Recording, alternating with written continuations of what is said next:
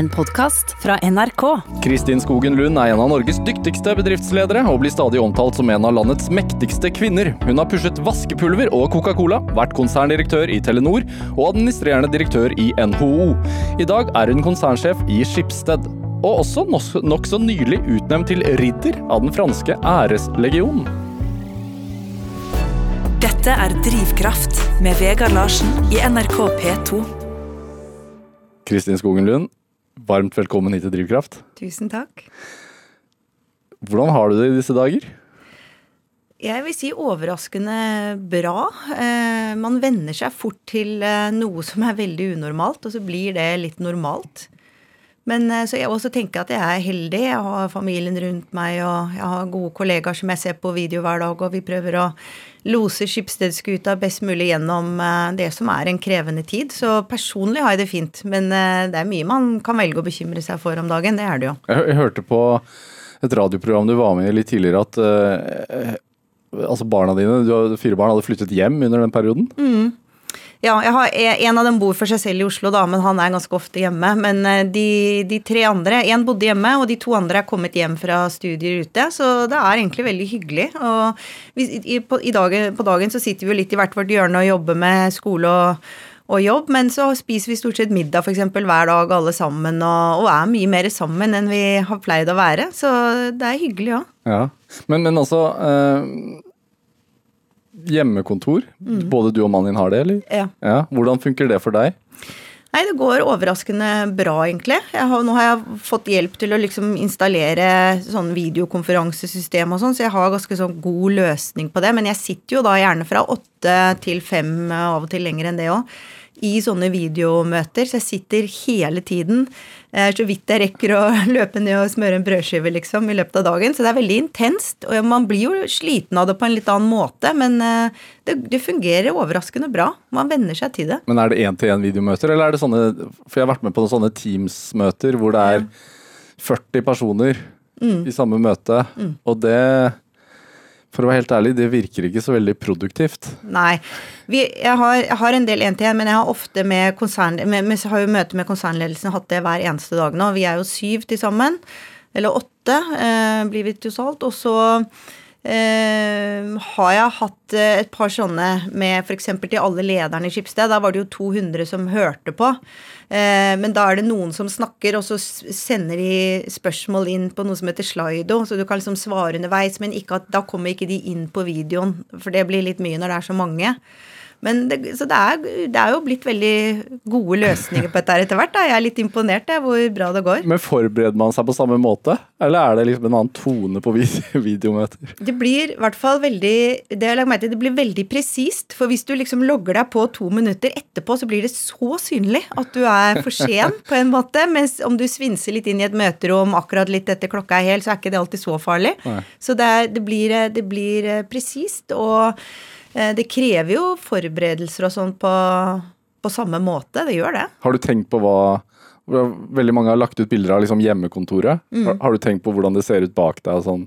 Ja, for jeg, har, jeg, sitter mot et vindu hvor det, nå har heldigvis solen står litt høyere på himmelen, men jeg fikk den veldig sånn etter ett, så fikk jeg den rett i fjeset. Så da har jeg hengt opp lakener foran vinduet, så det ser ikke bra ut, faktisk.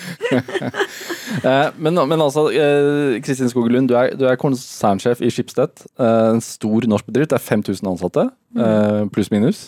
Ja, ca. 5000, ja. Og så har vi dat et datterselskap som heter Adevinta, hvor det er 4000 til. Ja, så mm. stort ansvar, egentlig. Ja. Eh, hvordan er det å lede det hjemmefra? Føler man at man styrer et skip med fjernkontroll, liksom? Ja, altså du Selv om jeg nå er jeg jo, som jeg beskrev, i veldig tett kontakt med alle hele tiden, og jeg kommuniserer mer til de ansatte nå. Jeg har sendt ut enten en video eller en mail hver eneste uke siden denne krisen startet. Det, jeg pleier å kommunisere med dem en gang i måneden, og har gjort det en gang i uken. Hvorfor det? Jo, fordi det er så viktig nå. Fordi vi går gjennom så store endringer, og det er så mye usikkerhet. Og da tror jeg det, at man nesten ikke kan kommunisere for mye. Så jeg har vært, også prøvd å være veldig åpen og transparent med hvordan det går, og, og tro og tvil, og, også prøvd å si til folk at jeg, jeg, skjønner at nå er det mange som har hatt det krevende. Hvis du f.eks. har små barn hjemme, og så skal du prøve å gjøre jobben samtidig, og så strekker du ikke til med det ene og ikke med det andre, og så kan liksom man bli veldig sliten av det. Og at det er faktisk lov å, å føle på det og, og en, sant, få en break. Og liksom jeg har prøvd å, ja, i hvert fall prøvd da, å være litt sånn eh, oppbyggende, holdt jeg på å si. Eh, så, det, så jeg, sånn sett så føler jeg nok at vi har håndtert selve denne krisen Eh, ganske bra. Det gjorde vi også en undersøkelse på. Fikk veldig hyggelige tilbakemeldinger fra de ansatte. 97% faktisk som følte at vi hadde håndtert det bra, så det var jo nesten helt overveldende. Så det, det har funket fint. Men det er klart, eh, det er så mye usikkerhet nå. Vi vet ikke hvor lenge dette vil vare. Vi vet ikke hvordan det vil påvirke oss.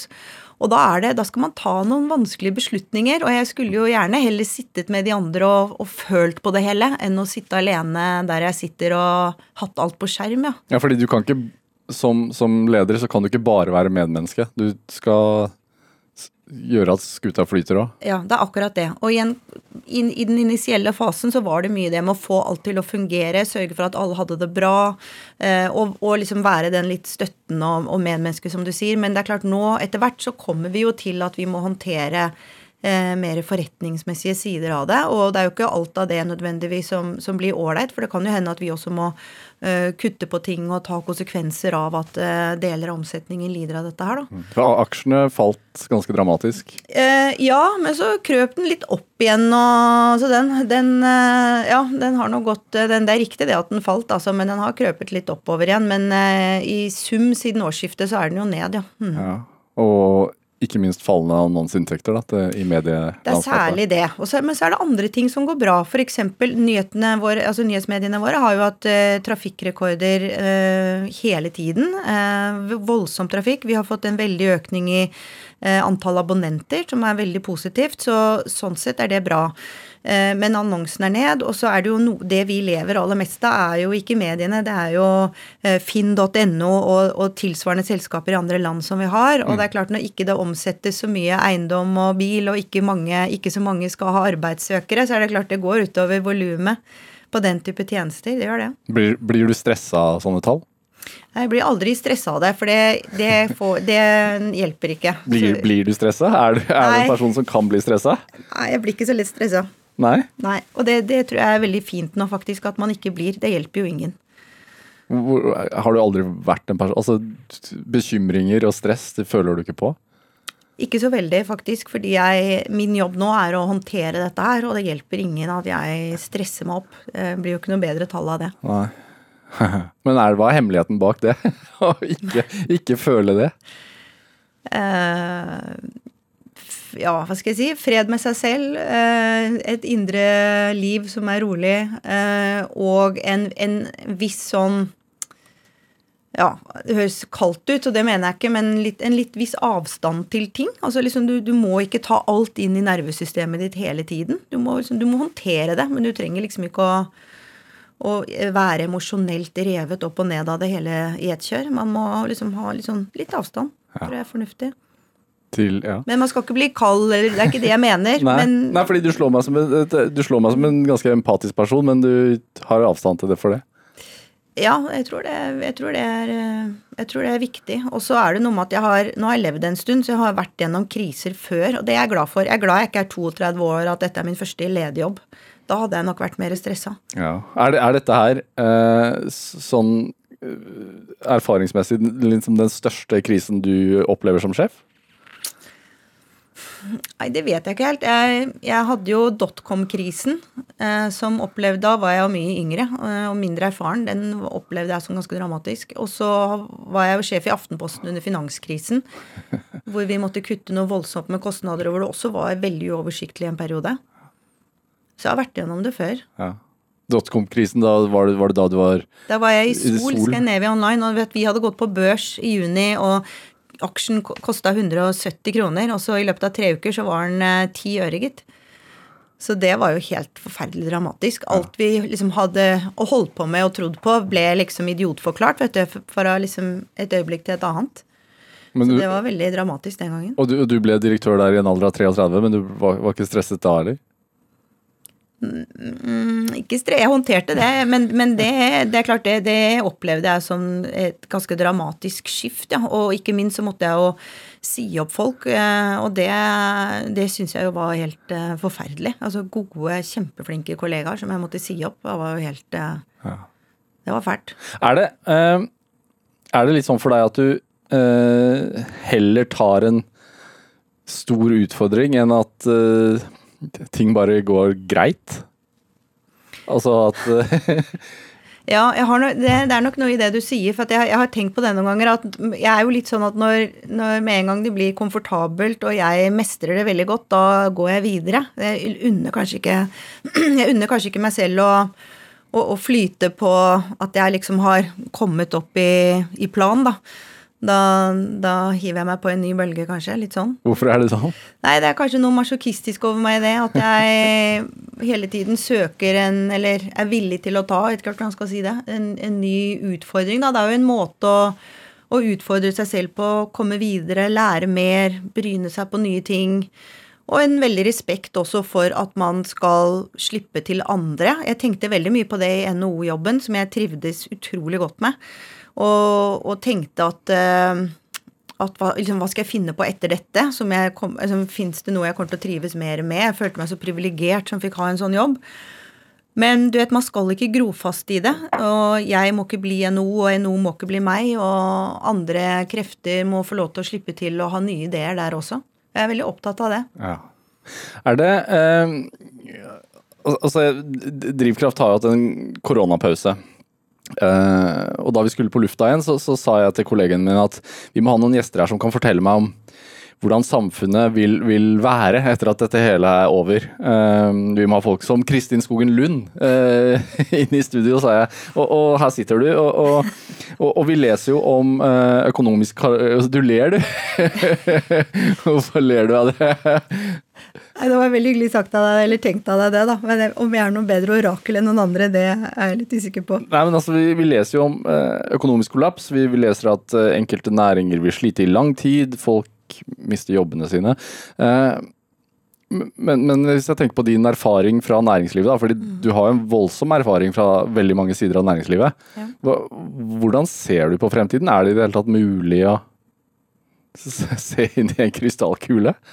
Eh, jeg tror at eh, Jeg tror nok for norsk økonomi eh, Du spurte meg om kriser i sted. Da snakket jeg om min egen lille verden. Men hvis du tenker på Norge, ja.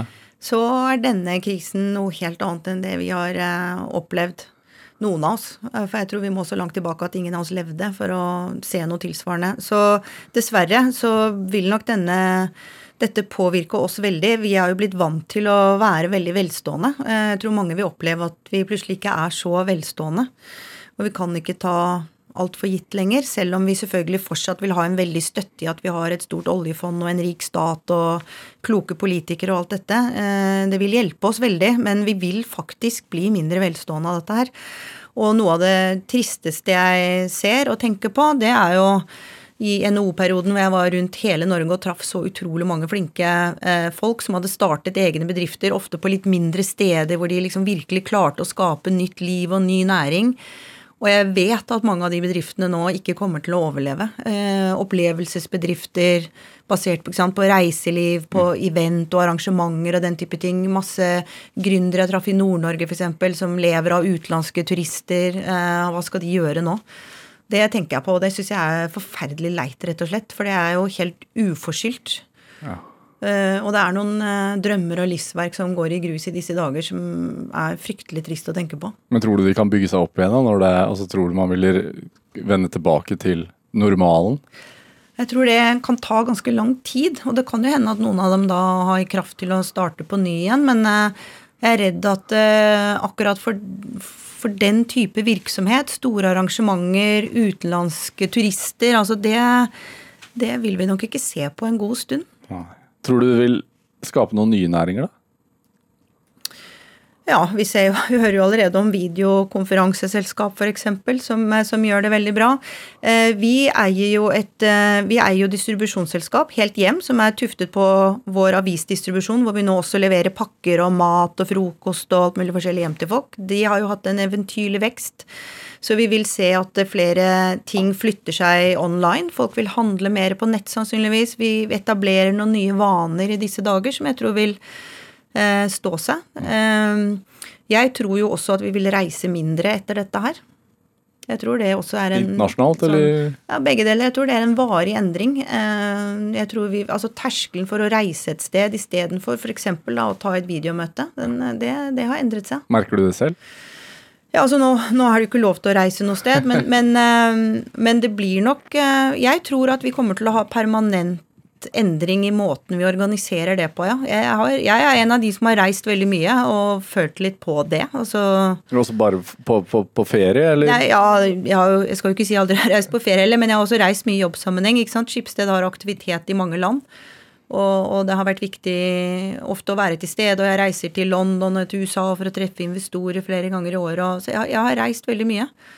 Ehm, jeg tror jeg kommer til å reise mindre fremover. Ja. Det er jo en god ting, er det ikke det? det er veldig bra for klimaet. Det er jo ikke så bra for de som lever av uh, fly oss, f.eks. Rundt forbi. Nå leste jeg akkurat i dag at SAS skal si opp halvparten av alle ansatte. Det er jo ikke, det er jo ikke hyggelig, det. Nei. Er det, uh, Når du ser andre selskap sliter, uh, og du er sjef for et stort selskap selv, altså, merker du det litt sånn ekstra da? Ja, ja, altså jeg har eh, Ja, selvfølgelig. Det er eh, Og det, og det, man, det jeg tror alle tenker på, det er, ikke, det er ikke nødvendigvis aksjekurser, men vi tenker veldig fort på mennesker, ikke sant. Vi tenker på ja, Gjør man det? For man ja, hører jo sånn. I hvert fall gjør jeg det. det er, for det er jo det du til syvende og sist eh, Det er jo det i hvert fall som motiverer aller mest, og som er den store drivkraften. Det er jo å være med på og bidra til at folk lykkes sammen eh, og får til noe. ikke sant? Og, og har et sunt fellesskap der man, der man, mestrer, der man utvikler seg, og der man produserer noe som betyr noe for folk, som, som har reell verdi for folk. da. Det er veldig tilfredsstillende. Og min erfaring med næringslivet er at det er det som driver de aller, aller fleste av oss. Og, og, det er klart at når man da ser at disse livsverkene kanskje går i grus, eller at man ser at man, ikke, at man nå ikke kan ha de samme forutsetningene for å oppfylle noen av disse drømmene, når man vet at noen av de flinke folkene man gjerne skulle hatt med på laget, ikke kanskje skal være med lenger, altså sånne ting er eh, fryktelig leit. Det tror jeg man aldri slutter å føle på, uansett hvor dyrkdreven man blir, liksom. Men så, så du sier at det må en enorm, altså, enorm omstilling til? Rett og slett, for store deler av samfunnet etter hvert. Ja. Og at man kanskje skal tenke mer lokalt og nasjonalt enn en internasjonalt. Så. Ja, altså det, det, tror jeg Det er det jo mange som sier. At jeg tror nok at også globalismen får seg jo en knekk av dette her. Og at vi også vil være mer opptatt av å ha det som heter nasjonale verdikjeder. Altså at vi ikke er avhengig av å få alle eh, innskuddsvarer og, og, komponenter og sånn fra andre steder, og at vi kanskje har flere tilganger på det. At ikke vi er så sårbare, da. Det tror jeg også vil være en varig endring etter dette. Ja. Er det sånn, sånn, som nå når du er, er sjef i Skipsted, som jo eh, er et mediehus, altså, altså, som sitter på, på, mange mediehus, holdt jeg på å si. Eh, hva, hva, tenker du om at sånn utenlandske selskaper som, som Facebook og Google og sånn, som ikke skatter noe særlig, stikker av med også en del av annonsepotten? Det, er, det, det, handler ikke bare om korona for meg, da, men det har jeg vært forferdelig bekymret over lenge. Og én ting er at de har stukket av med vårt inntektsgrunnlag. Det er selvfølgelig ille for oss.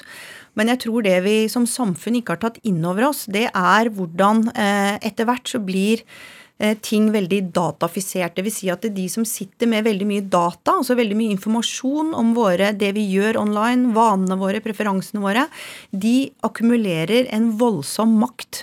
Og det kan de bruke til å lage uh, nye tjenester. Og det er en sånn dette blir litt komplisert, men det er en sånn eksponentialitet. Altså Hvis du først er Google, f.eks., så trenger ingen andre en annen søkemotor. Og da blir all makt eh, liksom eh, summert opp i ett selskap som, som eh, skaper enorme verdier, som gjør at de igjen har helt utenkelige ressurser, nesten, til å bygge videre på de fortrinnene sine. Da blir det vanskelig for andre å konkurrere.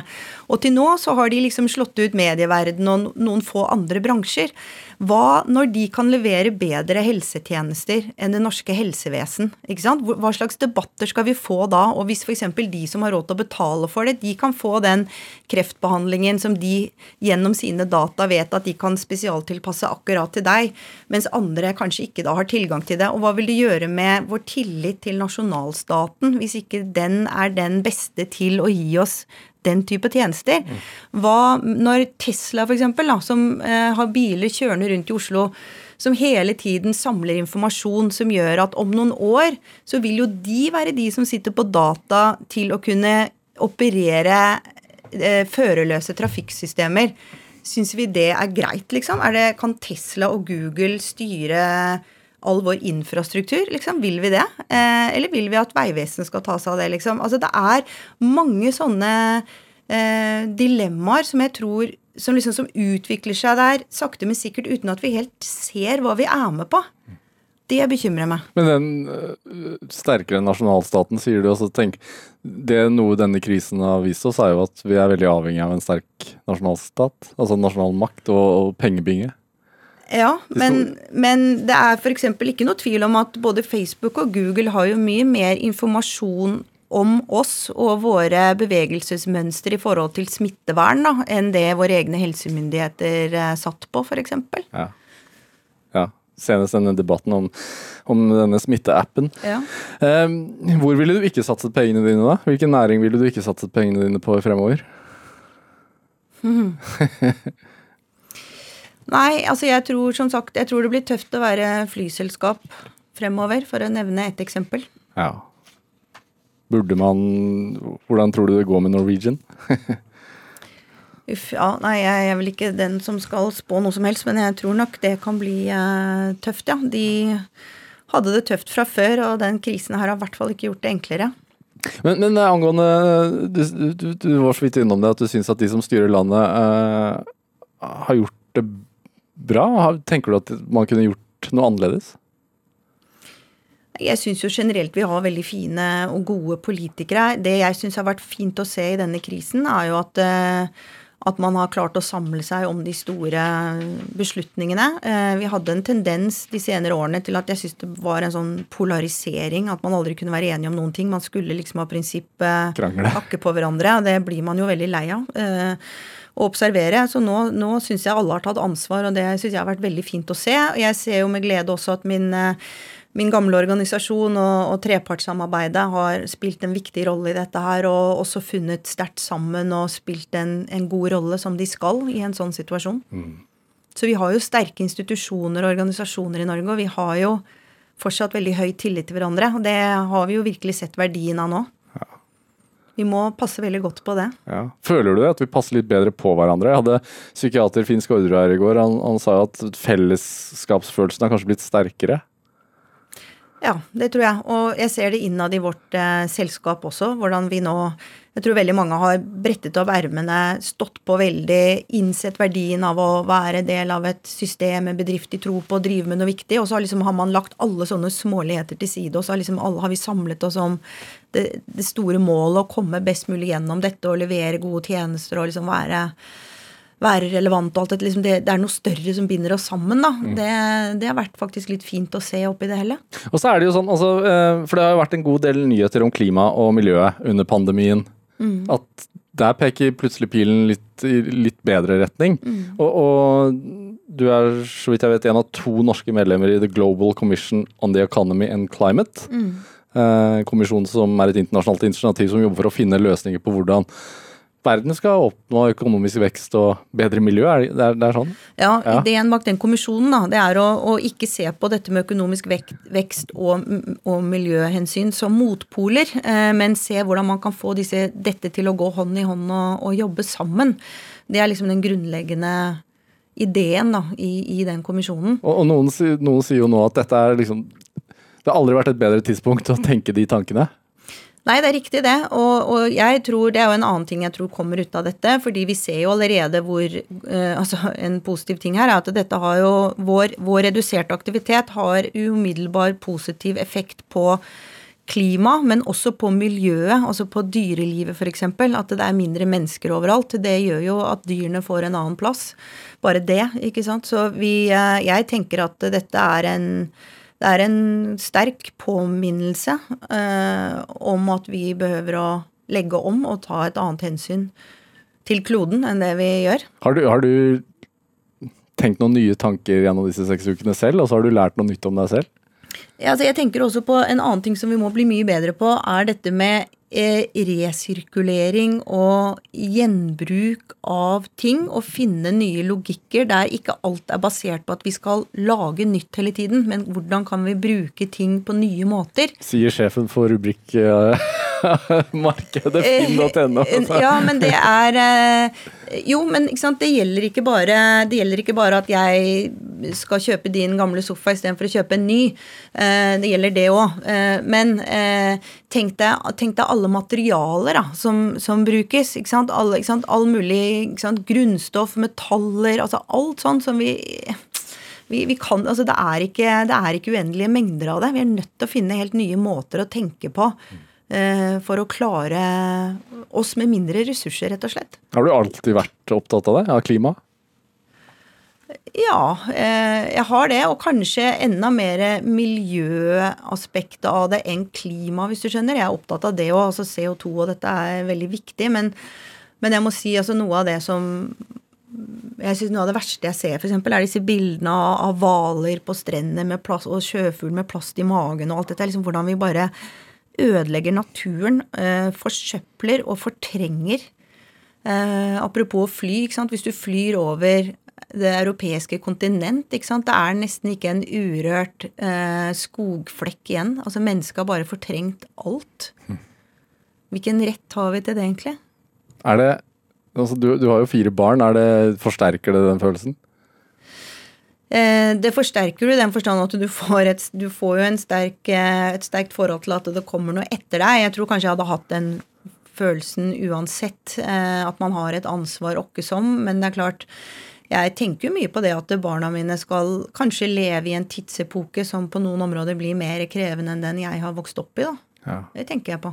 Er det eh, Det lurer jeg på, for jeg har jeg har ett barn på, hjemme på to år og en på vei som er, kommer om to måneder. Altså, kan man lære noe om ledelse av å ha to sett med tvillinger i neste sam, nesten samme alder? ja, du kan i hvert fall Ja da, du lærer ganske mye av det, altså. Du lærer, eh, du lærer planmessighet, tror jeg vi kan si. Ja, hva, hva, konkretiser gjerne. Nei, altså dette med og hvordan ikke sant, når du, det, det var jo vel Vi fikk fire barn på to og et halvt år. To ganger to. Og det er klart da, det, da er det så mye som skal gjøres eh, samtidig. Eh, og håndteres og ha, sant, som du skal ha kontroll og oversikt over. Så f.eks. det å ha veldig gode rutiner for legging, spising, aktiviteter. altså liksom Du blir utrolig planmessig, for du kan ikke du kan ikke skreddersy eh, etter hvert barns humør eller innfall. Når du har fire så tett. Det går ikke. Så du blir god på det med organisering, og så blir du kanskje også vant til å alltid gjøre noe. Det tror jeg jeg har tatt med meg fra den tiden. Ja. At jeg liksom, og Det kan høres litt sånn slitsomt ut, men jeg, jeg for eksempel, jeg slapper av ved å rydde og vaske. Eh, Jeg slapper av når jeg vasker klær, jeg slapper av når jeg jobber i hagen. Og hvis jeg setter meg ned og begynner å lese, så klarer jeg det en liten stund, men så spretter jeg opp, og så begynner jeg å gjøre noe. For da slapper jeg av. For, ikke sant? Da, ja, og det tror jeg kommer litt av det der. Ligger aldri på sofaen. Ikke så mye, nei. Jeg, men jeg, får, jeg trives da med å drive med ting.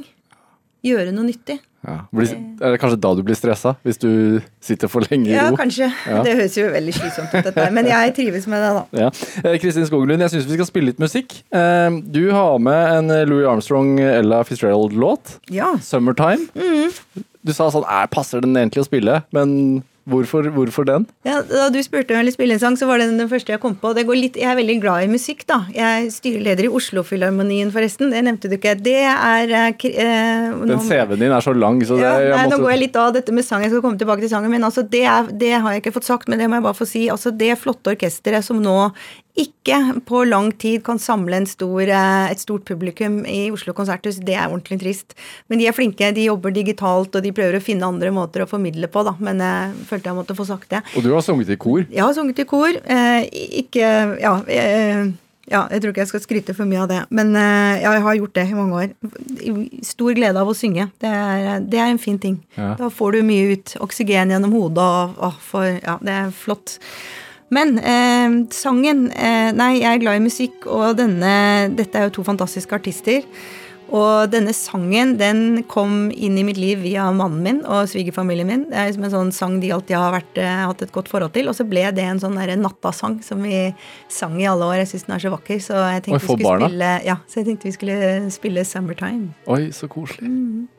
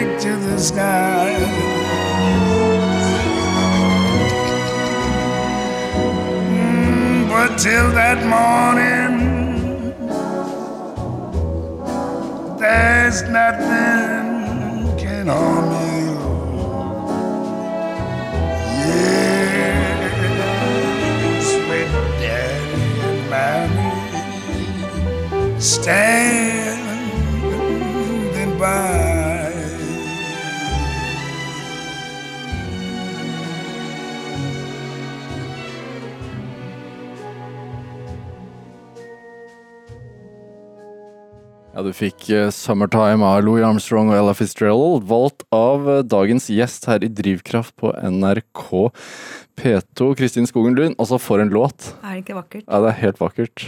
Altså, jeg, men det er en modig låt å ha som nattasang til barna sine. Ja. Den er, det er ikke den enkleste Sang dere duett i tillegg? Nei, ikke duett. Vi sang den hver for oss, og så er kanskje ikke barn så kresne, så det lød nok ikke akkurat som Louis og Ella. Det gjorde det ikke. Nei. Men det er en veldig vakker sang. Eh, Skogenlund, du, du er fra Bærum.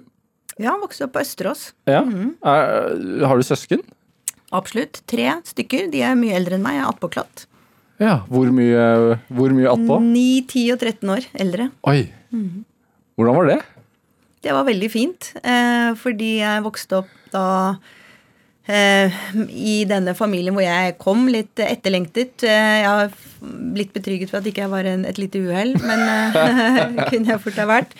Men eh, jeg ble liksom løftet litt opp på deres nivå i den forstand at sant, familien, familiens samtale var jo litt på mine søskens Premisser? premisser. Eh, og det tror jeg var en boost for meg som liten, for jeg lærte mye av det og ble nysgjerrig og fikk mye hjelp og oppmerksomhet. Og jeg tror liksom det har vært med på å bygge den tryggheten i meg, faktisk. Så, og etter hvert som man blir eldre, så har du ikke så mye å si at de er eldre. Så nå har jeg veldig nært forhold til alle tre. Vi er veldig gode venner. Hvordan så Hvordan vil du beskrive barndomshjemmet? Altså, hvordan så det ut? Det var et hus på litt sånn trafikkert eh, hjørne, og så hadde jeg bestevennen min i huset nedenfor, Patrick. Eh, så det var veldig kjapt å løpe opp og ned gjennom hekken eh, til hverandre. Så det var et, det var jo en, en trygg og god oppvekst. Det var det på alle måter. Så jeg har vært veldig heldig med den. Er det, altså, faren din var Olav Skogen, eh, også direktør. Ja. eh, og, og ikke minst kjent for å være motstandsmann under krigen. Eh, du, du har sagt at han har vært, og kanskje er også et forbilde for deg? Ja, veldig sånn preget av pappas historie. Um, har jeg sagt at han er som et sånt kompass noen ganger. Jeg prøver å, jeg prøver å leve opp til hans, eh, hans eh, væremåte. Det klarer jeg nok ikke helt, men eh, jeg prøver. Um, Hva, hvordan vil du beskrive den?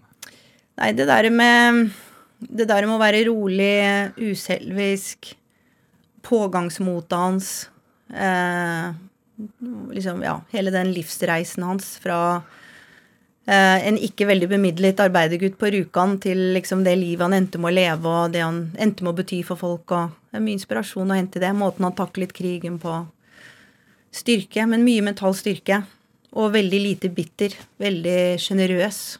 Ja, Til tross for at han har vært gjennom ganske grusomme ting under krigen. Er det Hva sa han til deg, da? Du må stå støtt med bena på jorda, eller hva, var Hvilke råd er det du har tatt med deg? Han, han, var, eh, han var ikke en mann av store ord, da, men han levde kanskje mer sånn gjennom sitt eksempel. Og han var jo en, sånn Han var veldig opptatt av de nære ting. Han var veldig opptatt av naturen, så han lærte meg jo kjærligheten til natur med lange turer og alt dette her. Også, Ja, Fordi du er et turmenneske. Jeg er veldig glad i naturen og gå ute, og så var han meget nøysom, eh, så jeg lærte meg ikke sløse. Eh, Dette her var ikke bare han, altså, dette var veldig mye min mor også. Eh, Dette med å, å liksom ja, ha respekt for, for ting, og ikke sløse og ødsle unødvendig. Og så dette med at vi skal, liksom det der med trygghet, utdanning, liksom de, hva som virkelig betyr noe. Det var, det var lite kjas om småting. Ja. Hva, er det så, ja, hva, hva er det som betyr noe? Nei, det betyr jo at du altså Det der med at du er trygg i deg selv og gir andre trygghet, at du, at du, at du liksom tror på folk, eh, det fikk jeg jo sterkt med meg hjemmefra, både fra mine foreldre og mine søsken. liksom Det der med at de, de trodde på meg, og du fikk alltid beskjed om at Selvfølgelig får du til det, Kristin. Eh, kjør på, liksom. Vi, vi, vi er bak deg, og det får du til. Eh, da jeg var 19 år, så dro jeg for å studere til Amerika. Eh, for et stipend som jeg også fikk via takket være pappas krigsinnsats. da, men eh, men da var det jo liksom alene ut i verden. Men liksom selvfølgelig skal du ut i verden, Kristin. Ikke sant? Verden venter på deg aktig. Altså Jeg fikk liksom alltid høre, ble alltid motivert til å tro på meg selv og, og, og tørre ting. Ja, du kan Altså, den leksa så sånn, du, du kan bli hva du vil, du kan få til det du vil. Ja, eller i hvert fall den troa, da. Eh, ikke sant? Jeg blir aldri snakket ned. Eh, og det, det er det dessverre altfor mange som blir. Ja. Så det er viktig, og jeg håper og, i hvert fall at jeg kan bidra med det både i forhold til egne barn og andre mennesker jeg har ansvaret for jobbsammenheng og andre ting. Så jeg er veldig opptatt av å prøve å, å bygge, bygge tillit, bygge trygghet. Men, men hvem, hvem var du som barn? Altså, var du Hadde du Altså, er lederegenskaper medfødt, tror du? Nei, det vet jeg ikke. Men jeg, jeg var nok en, det man vil kalle en nerdeunge. Det handlet jo litt om at jeg vokste opp med disse eldre søsknene, men jeg var veldig opptatt av astronomi og mysterier og regnestykker og alt sånn. Eh, jeg, så jeg, var, jeg lekte ikke med dukker, da, for å si det på den måten, så jeg var nok litt sånn rar. Eh, og så kom jeg jo på skolen etter hvert og ble som alle andre. Eh, sosialisert inn i det. I det. Men som, Er det, er det en uting? ja, nei, det er det nok. Det er, mye, det er veldig mye bra med den der norske likhetskulturen, men jeg har kanskje av og til tenkt at jeg kunne hvis den der intellektuelle nysgjerrigheten jeg hadde med meg som barn, hadde kanskje blitt stimulert litt annerledes, så, så kunne jeg nok kanskje brukt det, har jeg tenkt, utviklet det da, mer. Altså kanskje kunne jeg liksom blitt eh, flinkere til å fordype meg i ting. Kanskje kunne jeg vært forsker. Kanskje jeg kunne liksom virkelig, virkelig gjort nytte for meg, holdt jeg på å si. Bidra med ja, det har jeg tenkt på noen ganger. At det, altså liksom det der, litt det der akademiske i meg, det, det forsvant nok med den skole, møtet med skolen. Det gjorde det. Altså, er er det et savn? Altså, er det en anger? Det høres nesten litt sånn ut. Nei, men jeg, jeg, jeg har tenkt tilbake på det noen ganger. At det, det sant? Jeg gledet meg så innmari til å begynne på skolen. Og følte, ja, og gledet meg så veldig. Og første dagen på skolen så regnet jeg ut matteboken. Sammen med den samme vennen Patrick. Og så neste dag så tok frøken og viste fram og gjort, Vi hadde gjort én feil i den boken. Og så viste hun fram den til klassen, den ene feilen, og sa at sånn går det når dere regner på egen hånd. Og så måtte vi kjøpe en ny bok, og så satt vi resten av året og regnet den samme boka.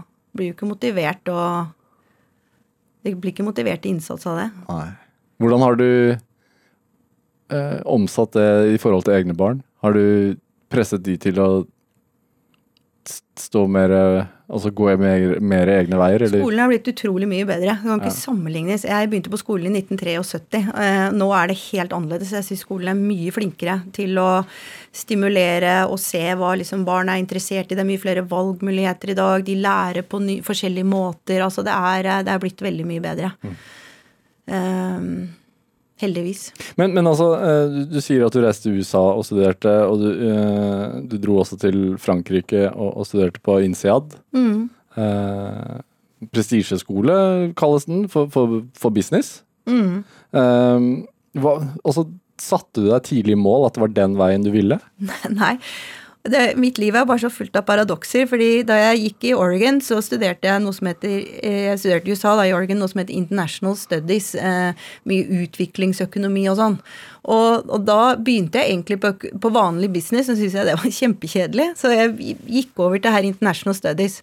Så jobbet jeg to år på norske ambassaden i Madrid som sånn eksportstipendiat. Og da skulle jeg egentlig tilbake til USA da, og jobbe videre med det her International Studies-greiene. Men så kom jeg litt inn i et annet miljø, og folk som hadde tatt master eh, i business og sånn. da, så, bare, ja, så ble jeg bare litt påvirket, og så tenkte jeg at ja, men USA, der har jeg allerede vært. Så da skulle jeg prøve et nytt land, så jeg skulle dra til Frankrike og Insiad og sånn. Og så business. og det, det var jo mange som lo av meg da, for det var jo akkurat det jeg ikke hadde likt. Og jeg, jeg tror ikke jeg var noe sånn typisk MBA-kandidat, egentlig. MBA er denne tittelen, Master of Business Administration står det for. Men da gjorde jeg det, da. Og jeg kom, eh, kom dit. Det ble et fantastisk år for meg. Jeg tror aldri jeg har lært så mye som jeg gjorde på det året. Men jeg husker første dagen så fikk jeg helt sjokk. For de var jo veldig sånn eh, kompetitive, da, eh, de andre elevene. Og eh, vi skulle løse en case, og vi satt hele natten gjennom. Og, og jeg var jo opptatt av at vi skulle bli kjent og snakke med hverandre og sånn. Nei, det var det ingen som hadde tid til. Vi skulle liksom bare løse denne casen. Og jeg, jeg, jeg, det var veldig fremmed for meg. Her møtte jeg folk som hadde jobbet i banker og McKinsey og sånn. De var veldig forskjellige. Og da husker jeg, da ringte jeg tidlig om morgenen ringte jeg hjem til mamma, og da gråt jeg og sa at mamma, jeg har begått en stor feil, for her hører ikke jeg hjemme. Og da mamma på sitt vante vis 'Dette får du til, Kristin', ikke sant? Eh, og så fikk jeg jo til det. Men det var, eh, det var et brutalt møte, egentlig, med en eh, kultur som var veldig fremmed for meg, da. Ja. Det var det. Hvor lang tid tok det da?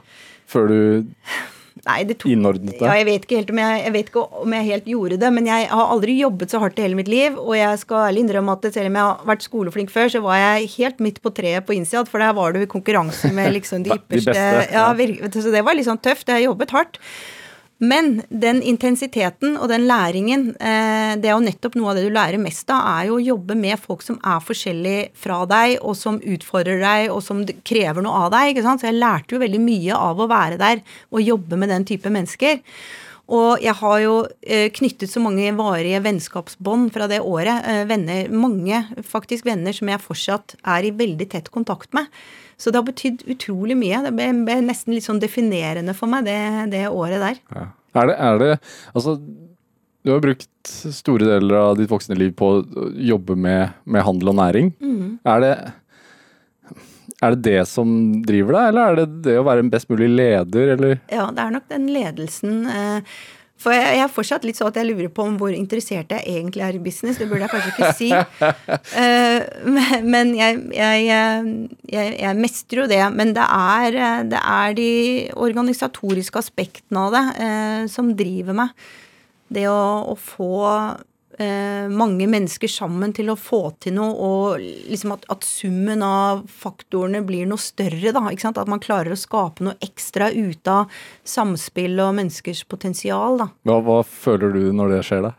Nei, det er det som driver meg, det er det jeg får energi av. Og av innimellom da, så kan jeg kanskje få en hyggelig mail da, av en ansatt, f.eks. nå som jeg har hatt disse ukentlige videosendingene til alle ansatte i Skipsted, så får jeg mail av folk jeg aldri kommer til å møte, men som jobber et eller annet sted i systemet i Skipsted, og så sender de meg en personlig melding om at et eller annet jeg sa betydde noe for dem, f.eks. Det betyr uendelig mye mer for meg enn en bonus. Ja, er det sant? Ja, det er faktisk helt sant.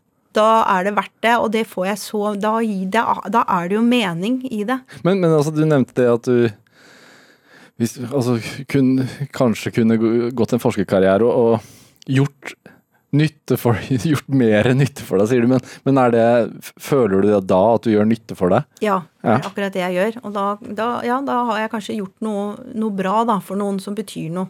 Og, og det, det er bra. Da, da, blir jeg tilfredsstilt. Men hvorfor er det viktig? For det er det som er meningen med alt. Det er jo hva du betyr for andre, egentlig. I hvert fall sånn har jeg skrudd sammen, da. Ja. Er det noe du har med deg også fra mor og far? Ja, jeg tror det. Eh, men må man like å gi råd og ta avgjørelser, da? Jeg syns det høres ganske tungt ut jeg, å si at den avdelingen, den kutter vi. Ja, det er ikke noe gøy når du må gjøre sånne ting. Det er, ikke, det er jo ikke alt som er det er ikke alt som er gøy, men det er som mamma sier, alt kan ikke være gøy hele tiden heller. Eh, så det, det følger med, og da, vet du hva jeg pleier å tenke da? Da pleier jeg å tenke at hvis ikke jeg satt i denne stolen og skulle fatte disse beslutningene, så hadde en annen gjort det, og sannsynligvis gjort det, måtte gjøre det samme. Så det handler jo om å da sørge for at du gjør også den type prosesser på en slik måte at det blir best mulig for de det angår. Så gir det kanskje likevel en slags mening, om du forstår. Er det hvor, hvor lenge har du sånne ting med Altså, går det inn på deg, eller? Ja, det er jo ting som går Ja da, det er, det er ting som går inn på meg. Selv om jeg sa i sted at jeg har avstand til ting, så, så selvfølgelig går ting inn på meg. Det gjør det. Er, det, er du sånn privat også? Altså en, en person som venner kommer til for å få råd?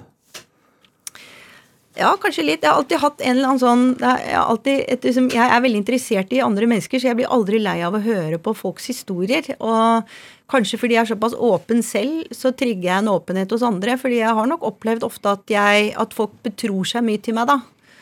At jeg, folk er villige til å gi meg veldig mye informasjon om seg selv. Eh, og det ser jeg på som en veldig stor tillitserklæring og en slags gave hver gang det skjer. Noe jeg må forvalte med, med kløkt og klokskap. Hvem søker du råd hos selv, da? Det varierer litt. Min fremste rådgiver er Det høres kanskje litt klisjéaktig ut, men det er faktisk mannen min, Christian. Han er utrolig klok og en veldig god eh, Han er så flink til å bedømme eh, mennesker, og han kjenner meg så godt. Så han får jeg alltid veldig gode råd av. Og så kan det variere litt hvem jeg ender med. Av og kan jeg søke råd hos litt sånne fjer, altså for meg litt mer fjerne mennesker også. Kan ofte være nyttig å snakke med noen som er helt utenfor. Som ikke er så tett på. Kan, Syns jeg kan være fint noen ganger. Som for eksempel Og det kan være, jeg skal være ærlig nok til å si at det kan være litt lettere noen ganger også å snakke med folk som ikke har en, en rolle så tett på meg. Da jeg kan være litt friere og kan være lettere for meg faktisk noen ganger å, å være åpen og sårbar med dem, da. ja, Hvorfor det, tror du? Fordi de er utenfor. At, ikke sant? Det, da, da er det mindre farlig, kanskje. Eller ja, lettere. Jeg vet ikke. Ja. Men, men altså, eh, eh, altså Karrieren din Du fikk veldig kjapt lederstillinger. Vi har- snakket om Sol, som du begynte i som direktør som 33-åring. Før det så hadde du jobbet i Coca-Cola og i Hva heter det nå, dette vaske... Unilever. Ja, eh, som også er et stort eh, internasjonalt selskap. Eh, hvordan Hvordan ble jeg sjef så tydelig? Hvordan klatrer man på stigen? Det tror jeg mange lurer på. Nei, vet du, det var veldig rart. Altså, jeg, jeg kom ut av INSIAD og begynte dette Unilever-selskapet, og etter et år i Sverige så ble jeg sendt til Paris som europeisk produktsjef. Jeg vet ikke helt hvorfor de gjorde det, eh, men eh, det gjorde de altså. Og så eh, var jeg der et par år, og så kom jeg til Coca-Cola. og Det var der liksom denne lederkarrieren virkelig skjøt fart, fordi da begynte jeg med ansvar for to stykker. Og da husker jeg syntes det var så rart at de var 1,90 høye begge to. tenkte jeg jeg kan ikke være sjef for noen menn som er så høye. husker Jeg tenkte jeg var veldig rar. Jeg var jo bare 27-28 år. Men det gikk jo fint, det, da. For etter hvert så, så Etter et halvt år eller noe sånt, så hadde jeg plutselig 150 ansatte. Det var en ganske stor lederjobb. Da var jeg vel kanskje 28 år. Wow. Eh, og Coca-Cola var nok litt sånn at de brydde seg ikke om du var norsk eller amerikaner eller kvinne eller mann eller ung eller gammel. De, liksom, hvis de trodde på deg, så bare hev de deg ut på, ut på det. Og det var nok da jeg skjønte at jeg eh, mestret det med ledelse. Det var jo ikke noe jeg hadde tenkt på eller hadde en spesiell ambisjon om, egentlig. Så jeg har nok vært litt sånn heldig og litt avhengig av at andre har sett det og, og gitt meg det. Og så har jeg vært da i systemer litt på rett sted til rett tid. At de har gitt meg den sjansen, og så har det fungert. Og så, det, så baller det litt på seg, så får du en enda større utfordring neste gang. For etter den 150 eh, ansatte jobben, så ble jeg jo administrerende direktør i Coca-Cola i Sverige. Da var jeg 29 år eller noe sånt. Og det var jo en ganske stor jobb. Men det høres jo ikke ut som du har søkt på noe. Nei, jeg har aldri søkt en jobb, faktisk. Det høres fryktelig arrogant ut, men det er bare det med at jeg har vært der, og så har folk sett meg, og så har jeg eh, Har de gitt meg, trodd på meg, og så har jeg turt å si ja til utfordringene. Er det er det, det er vel sånn det foregår, at man blir headhuntet? Ja, i lederstillinger er det jo ofte sånn. Er, er det egentlig å fraråde å søke i det hele Nei da. tatt? nei da, det, er- vet du hva, det, er også, det, er, det er jo veldig viktig noen ganger å, å rekke opp hånda og vise at man har en ambisjon. Eh, For det er ofte en feil man kan gjøre, at man kan overse, overse veldig gode talenter eh, fordi de kanskje ikke signaliserer da, at, de, at de vil noe mer. Og det, det, da kan man jo gå glipp av potensialet som bare det. Ja. Men det jeg skulle si om de tidlige årene, som nok er riktig å ta med, er at eh, min selvtillit eh, utviklet seg ikke like raskt som den lederkarrieren. Så jeg slet jo i flere år med flink pike-syndrom og, og skjønte liksom herregud, hvordan havnet jeg her? Og dette er bare tilfeldig, og det er bare flaks. Og jeg var kjemperedd for å liksom virke som at jeg trodde at jeg var noe spesielt, og skulle liksom alltid spille meg selv ned, og jeg, jeg bala veldig mye med det i mange år. Eh, før jeg etter hvert utover i 30-årene og sånn ble jeg mye tryggere på meg selv også i den lederrollen og den Hva skal jeg si den uh, i, Ja, den, eh, det, den identiteten på en måte det også blir etter hvert, da. Som å være leder. Ja, altså du må jo liksom venne deg til at, at du er det. Altså du har, jeg har jo en du har en autoritet over de du har ansvaret for, som du skal forvalte veldig veldig godt, men du må Det er jo en identitet i det, på en måte. Du er ikke alltid bare en av gjengen. Eh, man kan vel ikke være den gjengen? Nei, og det må du, det, ikke sant? det må du venne deg til, og, og lære å, å, å være det, det, da. Ja. Man må like å lære å like å være litt ensom på toppen. Ja, bør ikke være alltid ensomt, men, men det er en rolleforståelse kanskje i det. ja. Som du må, det må du liksom lære å trives med. Hvis ikke så funker det jo ikke. Og det var vel det jeg ikke hadde lært i starten. Hva er det som gir selvtillit? Er det gode resultater, eller? Jeg, jeg tror jeg som alle andre er veldig avhengig av bekreftelse. At du, at du får gode tilbakemeldinger. At du, at du etter hvert tør å være ærlig og søke ut da, motstand, uenighet. eh, Lære mer om deg selv, hvordan du kan hele tiden gjøre ting bedre. Bli god til å se signaler, sånn at du blir trygg i at her leser jeg terrenget og forstår om dette går bra eller ikke. Eh, Man, man, liksom, man lærer seg masse sånne teknikker for å bli trygg. Er det, altså, du har jo også vært en ganske frittalende leder, da. Mm. I flere av, stillingene dine. Og det virker for meg som om du liksom fremstår ganske uredd for å gå mot strømmen. Eh, og i de posisjonene du har, så havner jo utspillene dine i media. Eh, sånn, menn blir forbigått til gode stillinger fordi de har feil kjønn, har du sagt. Og arbeidstakere over 60 må bli billigere i drift for å være like attraktive som sine yngre kolleger, har du sagt. Altså, er det, er det viktig for deg å, å forsøksvis prøve å påvirke samfunnet? Vel, jeg er nå i hvert fall brutalt ærlig. Eh, Angrer du noen ganger? selvfølgelig er det alltid enklest å ikke si noe eller å ikke gjøre noe. Det, da får du jo ingen problemer heller, hvis du aldri gjør det. Men det hadde jo blitt et eh, kjedelig samfunn da, hvis alle tenkte sånn. Så Nei, det er jo Jeg har jo tatt til orde noen ganger for ting som av og til har vært litt kontroversielt, men jeg, det, er jo, det er jo da ting jeg står for, og som ofte mm, har et eh, Som jeg har en god grunn til å mene, da. Og så blir det Problemet er jo ofte at én sånn setning, annet et par av de du nettopp leste opp, blir jo veldig fort tatt ut av en sammenheng, og så kan du åh, så får du liksom hele den derre horven gående. eh, Med det ene sitatet, som kanskje da ikke blir satt i den rette sammenhengen. Det kan man jo bli veldig frustrert på noen ganger. Presten, vet du. Ja. det, er, det er jo ikke alltid sånn velvilje der ute i forhold til å tolke ting som det var ment. Det kan vi vel si. Men vet du hva, strengt tatt så føler jeg at jeg har kommet ganske godt ut av det og, og blitt fart eh, godt og rettferdig med i det offentlige rom, så jeg skal egentlig ikke klage på det. Ja, fordi du kunne jo valgt å ikke stille opp på noe offentlig, men du stiller jo opp på en del. Ja, ikke så mye nå lenger, men det er klart i særlig i NHO-rollen så var jeg jo veldig synlig og, og måtte også mene mye om mange, for da representerte jeg jo en, en viktig interessegruppe som jeg skulle være talerør for. Ja. Så det, det, da måtte jeg jo gjøre det hele tiden. Etter at jeg begynte i Skipsted, så jeg jo, føler, jeg, føler jeg at jeg har vært ganske tilbaketrukket, i hvert fall. Men ja. Men ser du på deg selv som politisk? Altså Hvis de hadde ringt og spurt om næringsministerposten hadde blitt ledig, hadde du vurdert det? Nei, jeg tror ikke det. Jeg, jeg, eh, jeg er ikke helt sikker på om det hadde vært eh, riktig for meg, men jeg eh, trivdes veldig godt i NHO-jobben, hvor jeg på mange måter var nær politikken uten å være politiker. Det, det syns jeg var en, en spennende rolle å spille. Hva, hva tenker du driver deg, da? Hva er drivkraften din om dagen?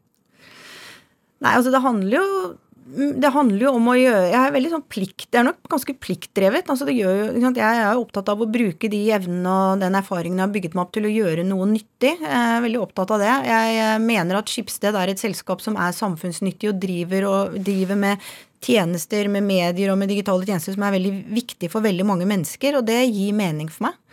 Og jeg da, hvis jeg kan lede det selskapet sånn at, vi, sånn at det går godt, og skape sikre arbeidsplasser for alle de flinke folka som er der, og lede dem på en måte som gjør at de er kanskje litt mer motiverte og føler en sterkere lojalitet til det enn de ellers ville gjort, så tenker jeg at det er et akseptabelt eh, livsverk. Ja. Ja. Kristin Skoglund, tusen takk for at du kom hit til Drivkraft. Takk skal du ha. Produsent i dag var eh, Kjartan Aarsson. Jeg heter Vegard Larsen, og Drivkraft er tilbake i morgen. Ha det bra. Du har hørt en podkast fra NRK. Hør flere podkaster og din NRK-kanal i appen NRK Radio.